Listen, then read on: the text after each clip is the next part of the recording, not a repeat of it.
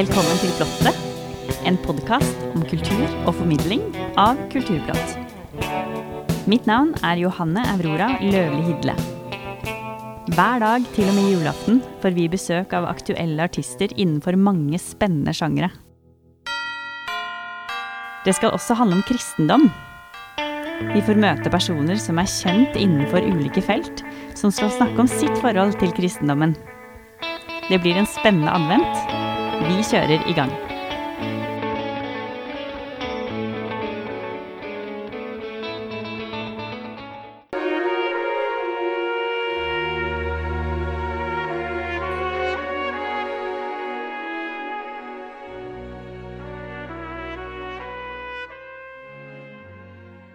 I dag har vi fått besøk av trompetist Tine Ting Helseth. Velkommen. Takk skal du ha. Veldig hyggelig. Du er aktuell med platen din Seraph. Mm. Kan du fortelle litt om hvordan denne platen har blitt til? Ja. eh, det er en plate som eh, jeg har spilt inn sammen med Ensemble Allegria. Strykeorkester som Altså, det er litt ekstra stas, da, for de fleste av oss vi studerte sammen da vi var mye yngre enn vi er nå. Så det er jo litt ekstra stas. De starta liksom det ensemblet rett ut fra ja, når de gikk på Musikkhøgskolen og på Baratu og sånn. Så det er gøy at det virkelig er liksom et topp orkester nå, da. Så det, det var litt stas å ta med seg dem på plate. Og så hadde jeg lyst til å spille inn litt musikk som ikke blir så mye spilt for trompet og strykere, da. Så grunnen til at plata heter Seraph, er fordi det ene stykket heter Seraph. Eh, en av de liksom hoved, hovedverkene, da. Eller en av, hva skal vi si, biffene, på en måte. Det er to, to sånne store trompetkonserter, da. Så den ene heter Seraph, av James Macmillan. Um, som er kul og litt sånn røff og Ja, han har brukt litt sånn uh, sitater fra Haydns trompetkonsert og litt sånn, men på sin egen måte, da. Ganske kult. Og så en trompetkonsert til av en amerikansk komponist, Eric Owason. Også veldig lite spilt, som jeg, jeg syns det fortjener å høres, på en måte, da. At folk skal få det med seg. Og kanskje noen andre trompetister og studenter og sånn har lyst til å spille den fine musikken. Og så noen litt uh, uh, kortere stykker, da. Så ja, lag denne plata, da, på Love og Classics, og det er kjempe Kjempestas å, å få gjøre en sånn plate. Hva er det du vil formidle med musikken på platen? Mm, oi, oi, oi. Det er vel på en måte det samme som man alltid har lyst til å formidle lite grann. Hva skal man si? Altså, her er det jo selvfølgelig litt det der å vise frem den musikken, da. Um, men selvfølgelig også vise frem hva, hvem jeg er som musiker. Nå har jeg holdt på med dette i veldig mange år. Uh, så det er klart også man utvikler seg med alt man opplever i livet, og ja, alder og alt som er erfaring og sånn. Så se, se hvordan jeg er som musiker nå. Um, så det er jo det som er et slags ja, et privilegium da, med å få lov å spille inn plater eh, år etter år, holdt jeg på å si. At man får lov til å Da er det også en, en vei, da, der. En reise, som er gøy. Så det er egentlig det vanlige. Forhåpentligvis er det musikk som folk syns det er fint å høre på. Mm. Kan du fortelle om hvordan dette året har vært for deg som musiker? Det har jo vært et veldig spesielt år. Først så var det jo spesielt på forhånd for alle, eh, med korona og nedstenging og, og spesielt for sånn som min jobb, da, som er å reise rundt i verden og spille. Så er det klart det var veldig lite det. det kunne man jo ikke gjøre.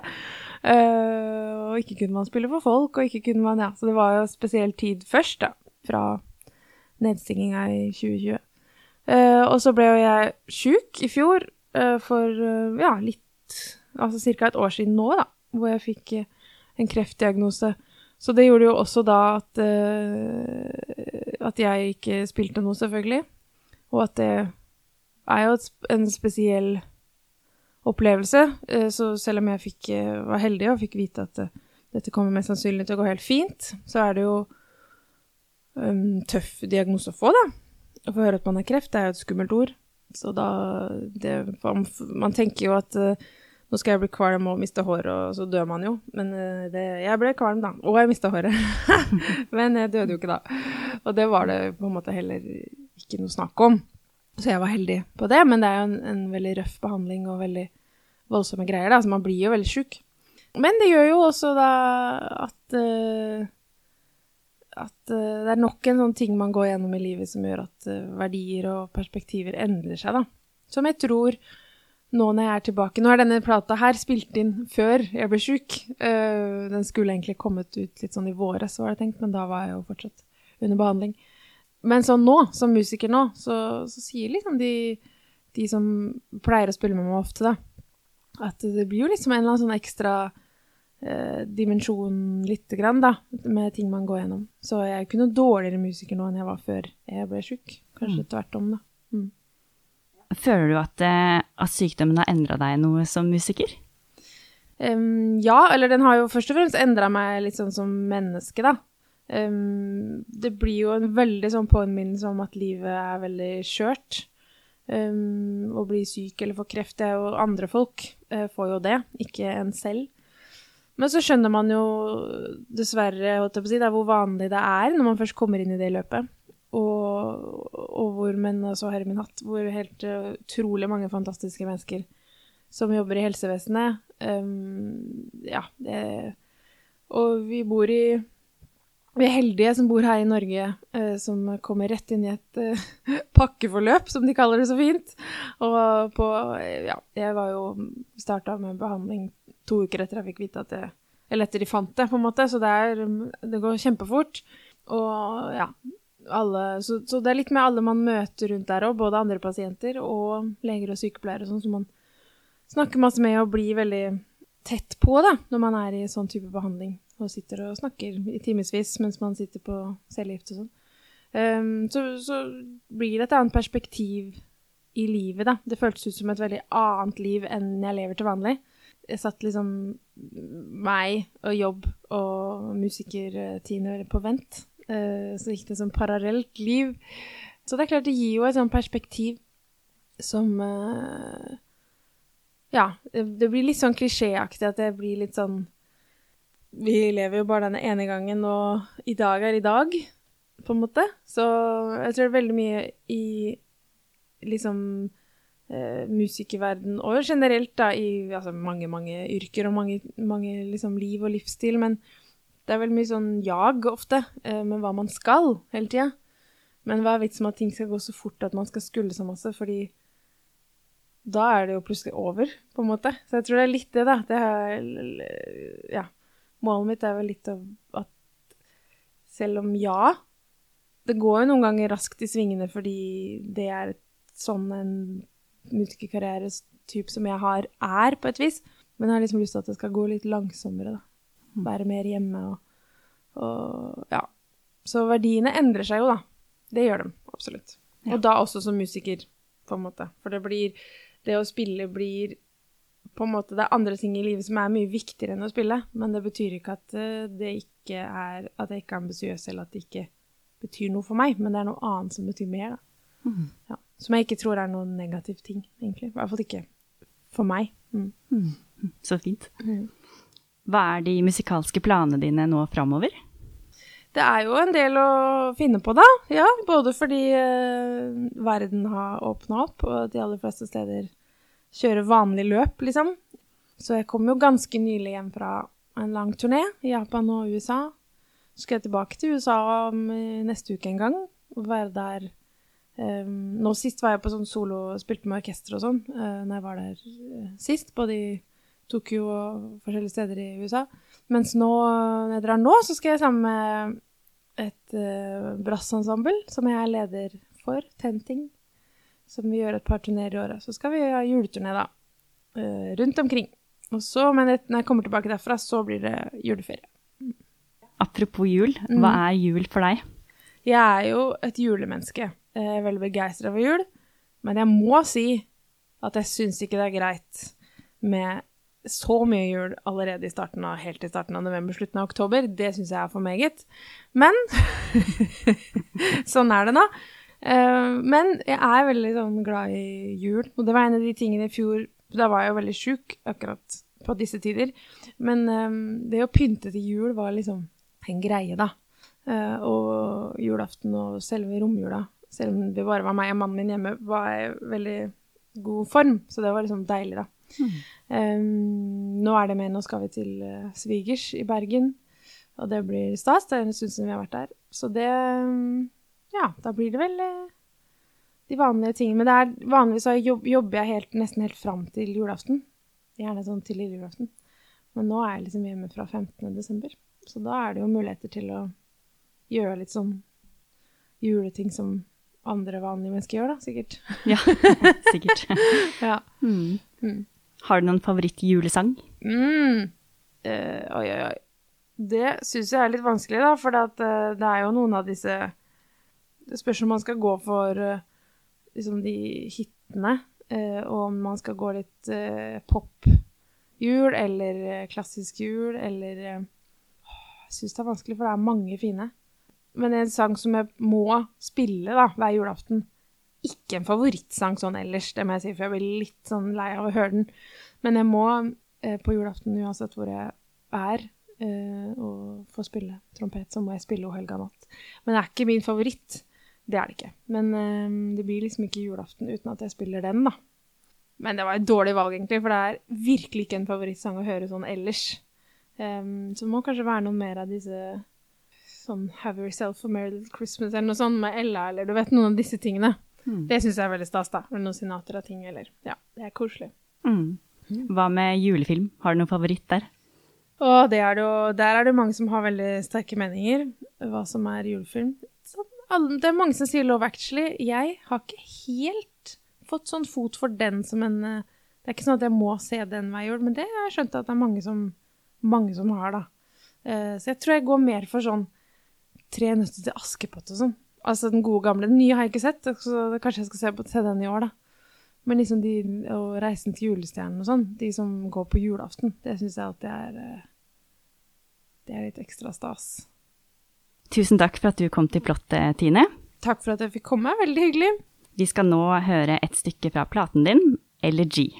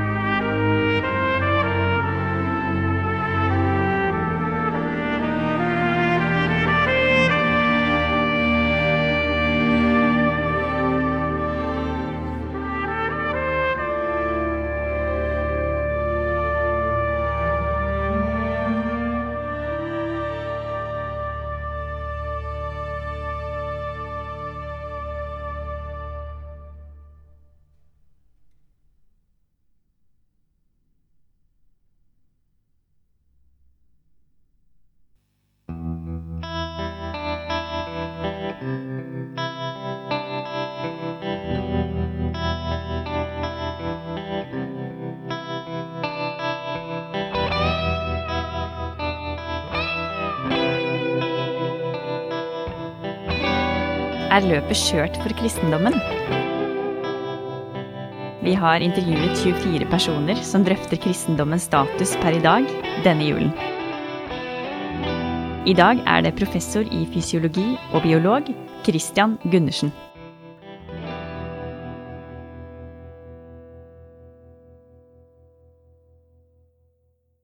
Jeg er litt lei av middelalderreligioner, for å si det rett ut.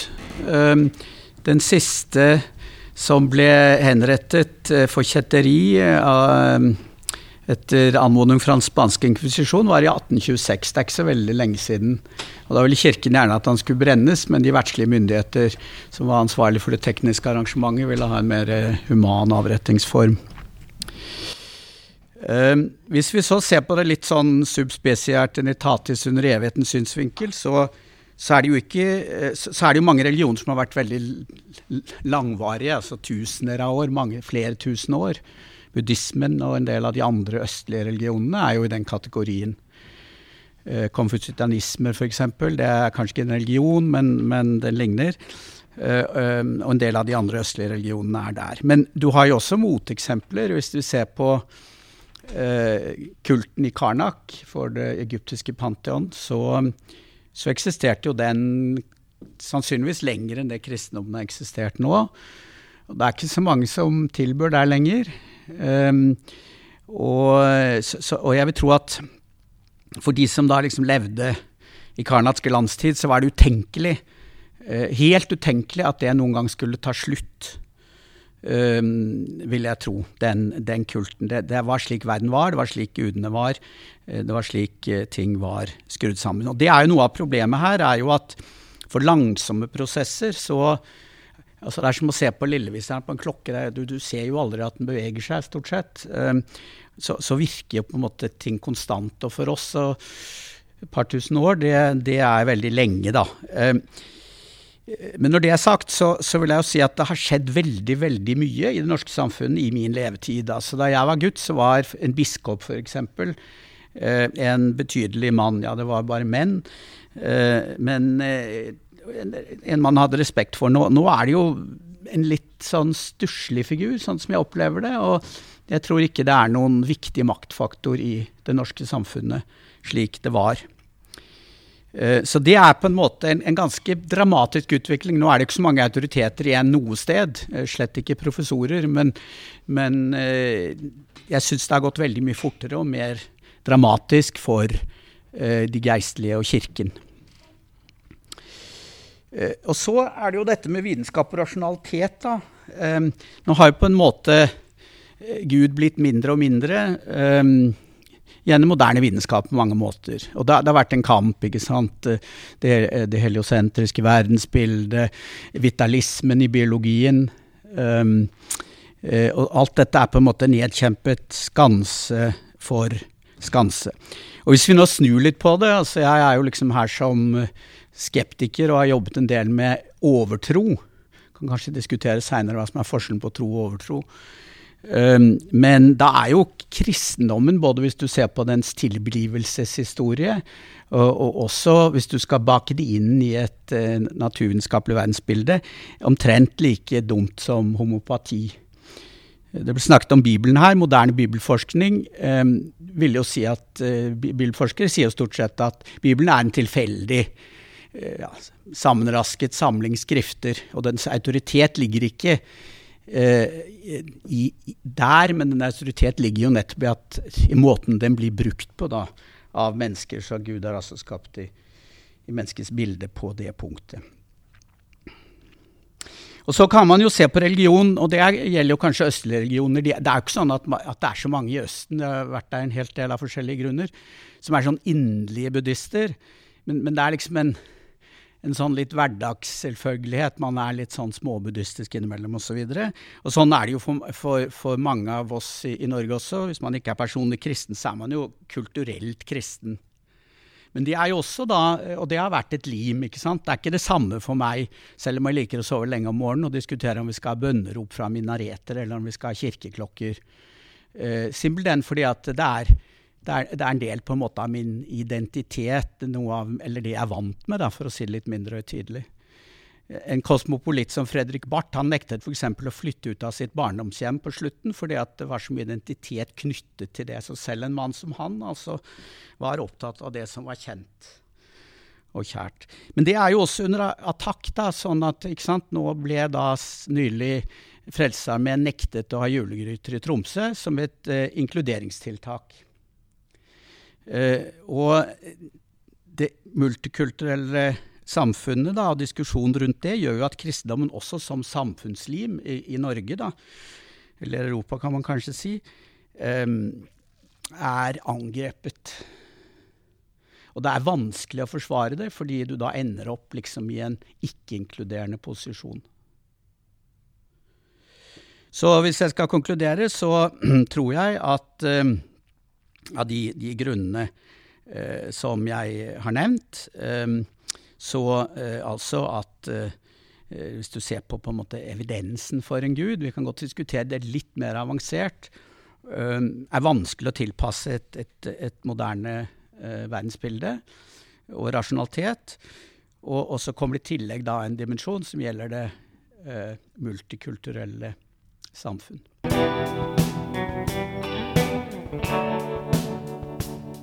Følg med på alt som skjer i kulturverden på kulturplott.no. Der finner du også et tilbud på Kulturplott og magasinet Samtiden på 150 kroner for seks måneder. Programleder og teknisk ansvarlig for denne sendingen var Johanne Aurora Løvli Hidle.